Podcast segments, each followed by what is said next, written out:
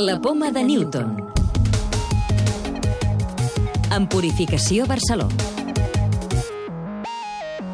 Engeguem nova temporada de la Poma de Newton amb una missió espacial històrica. Per primera vegada la NASA ha enlairat una sonda que serà capaç de gairebé tocar el Sol.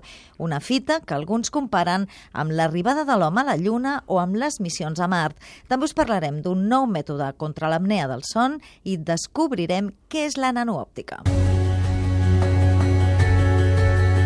Sonda Parker Solar Probe és la primera que té com a objectiu acostar-se a la nostra estrella com mai abans, a només 6 milions de quilòmetres, una distància molt curta tenint en compte les proporcions del Sol. La NASA somiava amb una missió d'aquest tipus des de feia 50 anys i, de fet, ha trigat 30 anys a preparar-la i a tenir la tecnologia que evités que una nau sucumbís a les altes temperatures solars de gairebé 1.400 graus. Per fer-ho, la nau viatja a la màxima velocitat aconseguida aconseguida fins ara 200 km per segon i disposa d'un potent escut de carboni que mantindrà els instruments de la sonda per sota dels 35 graus. Els objectius, estudiar la corona, les partícules i el vent solar que tenen importants efectes sobre la Terra. Ens en parlen Kelly Korrek, de l'Observatori Smithsonian de la Universitat de Harvard i el científic de la NASA, Jerónimo Villanueva. Rastrejarà el flux d'energia que escalfa i accelera la corona solar i el vent solar. Volem determinar l'estructura i la dinàmica del plasma, dels camps magnètics i de les fonts del vent solar, i també explorar els mecanismes que acceleren i transporten altres partícules energètiques.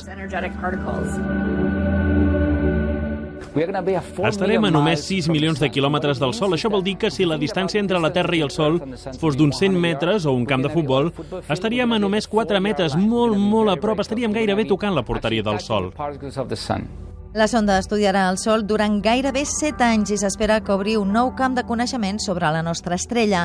Aquesta és almenys l'opinió del doctor Eugene Newman Parker, el primer físic que va teoritzar que la corona del Sol està a més temperatura que el centre i que ha donat nom a la sonda. És una nova fase i serà fascinant. Estem esperant les dades i que els experts les comencin a analitzar tan aviat com sigui possible perquè tindran moltes noves dades per processar. Més coses. L'Hospital Vall d'Hebron utilitza una nova tècnica quirúrgica assistida per robot per corregir l'apnea del son, una malaltia que afecta fins a un 6% de la població. La nova cirurgia robotitzada permet molta més precisió, és mínimament invasiva i accelera la recuperació dels pacients.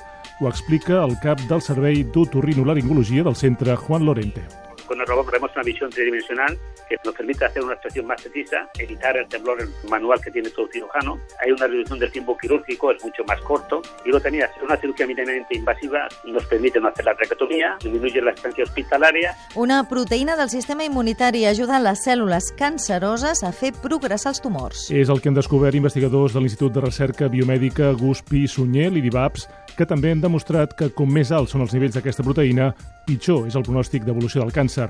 La recerca s'ha fet amb cèl·lules amb càncer d'ovari en ratolins i amb dades de 400 pacients que amb aquesta malaltia ha estat finançada per fons de la Marató. La vida a la Terra es va iniciar com a mínim fa 3.500 milions d'anys, uns 300 milions d'anys abans del que es pensava fins ara. És el que asseguren científics de la Universitat de Wisconsin, als Estats Units, que han analitzat fòssils microscòpics procedents d'Austràlia de 3.500 milions d'anys, els més antics trobats fins ara. La clau de volta. Què és la nanoòptica? Romain Kidan, investigador de l'Institut de Ciències Fotòniques ICFO. La nanòptica és el camp que estudia la interacció de la llum amb quantitats diminutes de, de matèria, objectes d'escala nanomètrica. I el que és molt especial és bàsicament quan la matèria es torna nano, sorgeixen unes propietats òptiques que són molt especials, que no existeixen, diguem, a una escala major. Recordeu que ja podeu descarregar-vos el podcast de la Poma de Newton o subscriure-us al programa per rebre'l directament als vostres dispositius.